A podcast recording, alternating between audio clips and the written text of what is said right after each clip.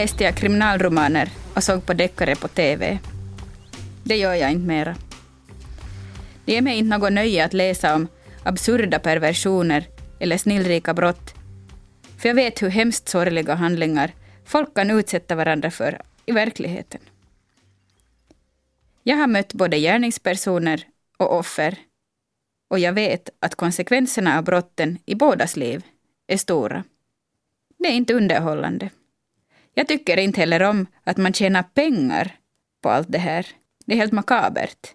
Jag är Maria Norman, kriminolog, feminist, samhällets stöttepelare och blomsterhattstant. Jag griper in och säger till. Och det är jag som är din sommarpratare idag. Ja, hur kom det sig att jag blev kriminolog? Efter studentexamen i Borgo tog jag ett trevligt mellanår vid Borgo folkhögskolas samhällsvetarlinje. Och jag var ganska studietrött. Sen efter det började jag lite planlöst studera vid Åbo Akademi på ekonomisk statsvetenskapliga fakulteten. Men jag var ännu ganska studietrött. Studierna kändes inte så intressanta, det var ganska lite undervisning. Och jag kände mig redo för nya äventyr efter ett tag. Mina två stora systrar bodde i Stockholm, så jag tänkte att jag far dit, för där har jag i alla fall boendet ordnat den första tiden. Det är alltså svårt att hitta boende i Stockholm. Jag bläddrar i Stockholms universitets utbildningskatalog och det är ett alldeles härligt smörgåsbord av alla möjliga kurser och utbildningar och vetenskaper som man nog aldrig hade hört om tidigare. Och plötsligt så stod det allmän kriminologi på en sida. Nå, oho! Mitt sinne fylldes av dramatiska och makabra tankar. Jag tänkte på blodstritt, yxmord och onda förövare. Allt som jag hade läst om i kriminalromaner och sett på film. Och det var ju nog spännande. Så jag beslöt mig för att ansöka om studieplats och så kom jag in. Sen höll jag på att förlora studieplatsen för jag hade inte fattat att man måste gå på något som heter upprop. Man ska alltså fara till en viss sal vid en viss tid och så ska man säga ja när ens namn ropas upp. Och jag tänkte att det där kan väl inte vara nödvändigt. Så till all tur var jag i Stockholm den dagen och så sa min stora syster att nej, dit måste du ju nog fara. Och jag hann faktiskt, trots att jag inte hade tänkt fara dit alls. Trots att studierna snabbt visade sig att kriminologi väldigt lite handlar om makabra brott var ämnesområdet ändå en fullträff för mig. Jag trivdes jättebra med studierna. Andan i undervisningen var väldigt human och trevlig och det är nödvändigt när man pratar om olyckliga och sorgliga saker och människors öden. Jag hade fina lärare, bland annat Eva Tiby, som sen blev Sveriges första kvinnliga professor i kriminologi. Eh, en sak som kändes bra med studierna var att det var alldeles naturligt att även tillämpa ett genusperspektiv, det vill säga prata om kön, inte bara prata om det. Det här upplever jag ännu att inte ens professionella kriminologer i Finland kan göra. Vad är då kriminologi? Kriminologi handlar alltså inte främst om yxmord och dramatiska brott, blodstritt eller listiga förövare, så som jag trodde i början. Kriminologi handlar om att vetenskapligt studera brott och marginalisering. Och där ingår också beteenden som ur samhällets synvinkel inte alla gånger är så önskvärda. Det kan handla om rusmedelsmissbruk, skolk, prostitution, diskriminering, hatprat, läktarvåld, terrorism. Så ganska mycket alltså. Och det är det som är så roligt. Kriminologerna löser sällan brott. Men eftersom olika brottstyper ofta följer ett visst mönster så kan man komma med sannolika gissningar. Sådär som Leif GW Persson brukar göra på TV. Det har ni kanske sett. För mig handlar kriminologi om att förklara och att förstå. Varför handlingar som verkar alldeles tokiga är de bästa valen eller möjligheterna för en del människor. Alla är biologiska på vårt eget sätt. Om inte myndigheterna förstår vilken logik olika utsatta livssituationer föder hos människor så kan man ju inte hjälpa dem utifrån deras egna behov och möjligheter. Och då talar vi om resurslöseri både på det humana och ekonomiska planet. Det här lärde jag mig när jag jobbade inom kriminalvården i södra Stockholm. Jag hade jobbat stenhårt för att ordna vård och boende för en fånge som verkligen ville förändra sitt liv. Men några dagar innan han skulle få åka iväg till vårdhemmet som jag hade ordnat så rymde han. Så istället för att få vård så fick han påbackning på straffet och flyttat till ett fängelse med högre säkerhetsklass. Och det betyder ju alltid att man har ännu mindre friheter och personligt utrymme. Jag blev ju alldeles otroligt överraskad och bestört och arg. Hur kunde han göra så här? Vi hade ju tillsammans jobbat så mycket. Men min erfarna kollega förklarade för mig. När man länge har levt ett så hårt liv och äntligen skulle kunna få någon ordning på det, så kan man bli rädd för att det inte ska kunna bli bra längre. Så det känns tryggt att inte ens försöka, då kan man ju inte misslyckas. Så det som för mig verkar vara ett alldeles idiotiskt val var en bra lösning för en människa i en väldigt svår livssituation. Och jag lärde mig en läxa. Jag heter Maria Norman och är din sommarpratare idag. Det här var Nationalteatern med låten Kolla kolla. Den här låten får mig alltid att tänka på de fångar som jag har mött. Med de stora förhoppningarna om att göra det stora klippet nästa gång som de är fria. En riktigt bra affär som gör dem rika och som skulle göra dem så rika att de aldrig mer behöver oroa sig för någonting mer.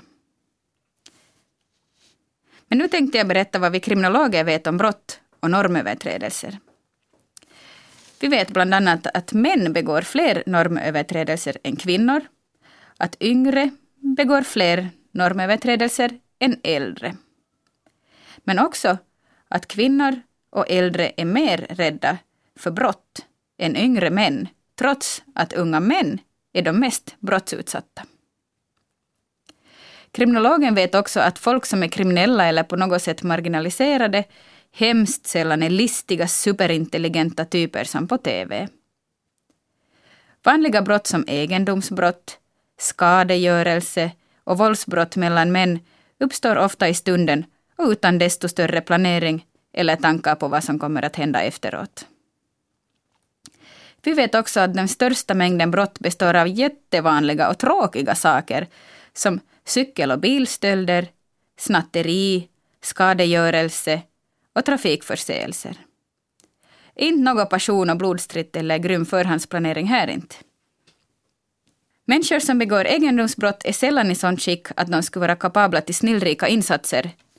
Det är människor som ofta lider av missbruk, oavslutad utbildning och svaga sociala relationer. Det här gäller dock inte alltid på folk som sysslar med ekonomisk brottslighet. Intressant när man ska förklara orsakerna till brott eller normbrytande beteende är att det är så svårt att förklara att män står för den största delen av den upptäckta brottsligheten. Trots att kvinnor också växer upp med de klassiska riskfaktorerna som dålig skolframgång, fattigdom, klasstillhörighet, bristande sociala nätverk, otillräckligt föräldraskap. Att födas som pojke verkar vara den största riskfaktorn av alla. Eftersom jag inte tror att män är underutvecklade på något sätt så måste det ju handla om att mansrollen inte är särskilt hälsosam. Varken för män själva eller för andra i deras omgivning. Nu ska du få höra låten Logiskt med rapparen Petter och sångaren Säkert. Petter var också en idol bland unga i förorterna i början av 2000-talet. I låten berättar Petter om sitt missbruk och sin självcentrering. Jag hoppas att hans gamla fans är lika modiga och ser sig i spegeln och vågar erkänna att det kostar att trolla med sinnet när man festar för mycket som han sjunger. Det är så många fina unga festprissar och gräsrökspojkar som jag har tagit emot på fängelset och anat att det här är bara början på deras väg neråt. Och dess oerhört sorgliga stunder. Kriminologin försöker alltså förklara varför folk begår brott. Och nu ska jag berätta om en av mina favoritteorier, nämligen neutralisationsteknikerna. Teorin går ut på att de flesta nog känner till normer och lagar och vad som är rätt och fel. Liksom. För att kunna begå brott mot dem måste man förklara sig på något sätt och sätta regeln ur spel. Målet är att rättfärdiga sin egen handling, alltså det där fuffens som man håller på med, genom att förklara brottet på ett annat sätt. Det roliga med teorin är att den fångar ett tänkande som jag vågar påstå att alla pysslar med. Till exempel att man förnekar skadan av det som man har gjort. Nå, jag tar med mig den här pennan eller telefonen eller bilskrapan från jobbet. Det gör inte något, det finns ju så många, kan man ju tänka. Eller att man knycker en slant från mammas börs, eller lite godis från butiken, eller varför inte potatis. Där finns ju ändå så många. En annan neutralisationsteknik är att förneka det egna ansvaret. Nej, jag var full, kan man höra folk säga. Eller, nåja, jag gör bara mitt jobb, fast det här nog inte var så kiva för dig. Sen kan man också säga att jag hade ju en så fullkomligt olycklig barndom, ser du. Sen kan man också fördöma den som fördömer. Och då brukar folk vara ganska upprörda. Nej, du ska inte komma och säga att jag har gjort fel, för du har nog gjort samma sak. Du har nog också kört i fyllan någon gång. Det har väl alla gjort. Eller så kan man anklaga fördömaren för att vara en alltför rigorös moraltant och perfektionist. Eller säga att domaren är korrupt eller en riktig idiot. Det brukar mina fångar också säga. Känns de här tankarna bekanta kanske? Jag säger nog ändå att vi alla begår någon liten förseelse eller normöverträdelse nästan varje dag. Vi väjer inte för fotgängare som vill korsa gatan eller kör mot gult och kallar det för gammal grön till exempel. Att åka fast för att ha gjort något otillåtet kan få socialt katastrofala följder men också innebära en konstnärlig inspiration som för George Michael som åkte fast för att ragga på en polis på en utetoalett och gjorde hitlåten Let's go outside. Ur kriminologisk synvinkel är det inte bara intressant varför folk begår brott eller normbrott, utan även vad som händer när det upptäcks. Vilka straff finns det för olika normöverträdelser och hur förhåller sig omgivningen till brottslingen? Upptäckten och konsekvenserna av normbrotten kan ha väldigt olika konsekvenser för normbrytarna. Till exempel i Finland kan Antti Kaikkonen dömas för brott men ändå ha kvar förtroendet i sin politiska verksamhet medan en hel rad svenska politiker har fått gå eller inte ens fått tillträda ministerposter på grund av betydligt mindre felsteg, som obetalda tv-licensavgifter. Det intressanta här är ju att omgivningen tenderar att behandla folk väl tills upptäckten kommer, trots att handlingarna som fördömts hela tiden har pågått eller skett för jättelänge sedan. Och medan vi fördömer det upptäckta delar vi ändå livet hela tiden med folk som gör eller gjort precis samma sak men bara inte upptäckts ännu. Till exempel snatta på jobbet, slå sin partner eller något annat otäckt. Det är värt att tänka på. På tal om brottspåföljd, kriminologisk forskning har redan på 1880-talet visat att fängelse inte är en bra påföljd, men ännu har ingen kommit på något bättre.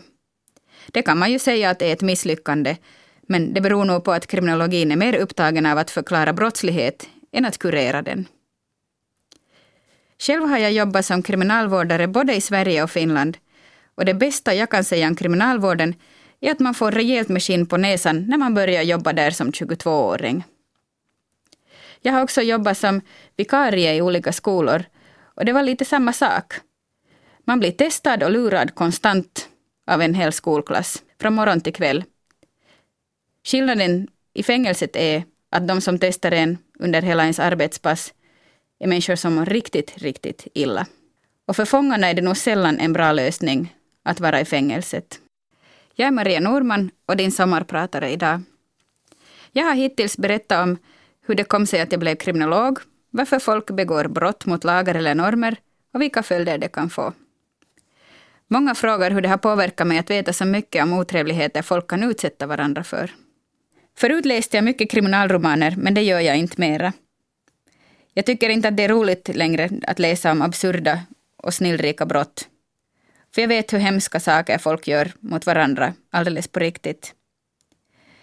I mitt yrkesliv har jag sett både gärningspersoner och offer och jag har sett vilka konsekvenser gärningarna har i bådas liv. Och det är ingen underhållning. Det är socialarbete. Och på något sätt tycker jag att det är makabert och riktigt äckligt att man kan tjäna pengar på sådana saker. När jag jobbade som kriminalvårdare på det dåvarande rannsakningshäktet på Kakolabacken i Åbo var jag ständigt på min vakt. Fångarnas svåra livssituation och trassliga liv gjorde mig cynisk. Man måste hela tiden tänka på risker och faror som man skulle förhindra och förutse. Jag kände att jag blev på något vis hård i själen. Hela tiden skulle man vara förberedd på att någonting skulle bryta ut. Någon slags utbrott, ett slagsmål till exempel. Det var så absurt att gå omkring bland en massa folk som ju egentligen är likvärdiga med mig själv. Men jag var ändå den enda som hade nyckel och ibland pistol. Och det var jag som bestämde när de skulle duscha, när de skulle gå ut på gården, vilket de fick göra en timme per dag, och när de skulle ringa samtal. Alldeles absurt. Och fängelset är ju egentligen ett samhälle i miniatyr, så det var ju spännande dagar i sig, men alldeles, alldeles absurt. Och att bestämma över andra hela dagen och kommendera in och ut ur celler, in och ut från gården, arbete, matsal, rättssal, transportbilar och annat gjorde att jag liksom blev en kommendorska. Kommenderandet satt i. En gång på hemvägen från jobbet köade en, en massa folk till en penningautomat och de bredde ut sig över hela gatan. Och jag hade inte något problem som helst med att kommendera dem i rak rad. Och det mest skrämmande var att de lydde. Nu när jag inte har jobbat med fångar eller andra klienter på länge så är jag rätt blåögd och aningslös igen. Och det är ganska skönt att ha en sån grundinställning. Men jag är nog ännu duktig på att ta kommando då det behövs. Jag ordnar gärna upp saker. Och griper in. Och jag tar inte någon skit alls. Vad som ännu sitter i är också att jag inte är särskilt rädd för folk som liknar de som jag har mött i fängelset. Missbrukare, hemlösa, lite konstiga typer på stan eller i metron skrämmer mig inte. Jag vet att i flesta fall är det snälla människor som är snälla tillbaks när de bemöts med snällhet och en rejäl dos tålamod. Jag minns en gång en finsk utvandrare som i fyllan kom skrikande längs perrongen på Mariatorgets tunnelbanehållplats i Stockholm. De andra passagerarna vek undan och till slut stod de alla längst bort på perrongen och bara jag satt kvar på min bänk. Gubben stannade och tittade förvånat på mig och skrek för säkerhets skull ännu några svordomar. Ni vet de här finska fantastiska ärren. Ja, där satt jag och så sa jag bara på finska att hör du sett dig här? Du ser nu ut att ha en riktigt dålig dag. Gubben suckade och så satt han sig och vi hade ett långt samtal om hemlängtan och finsk musik ända tills tunnelbanan kom. Jag är Maria Norman och har varit din sommarpratare idag. Tack för att du har lyssnat. Ha en fin dag och var snäll med alla omkring dig. Och mot dig själv förstås.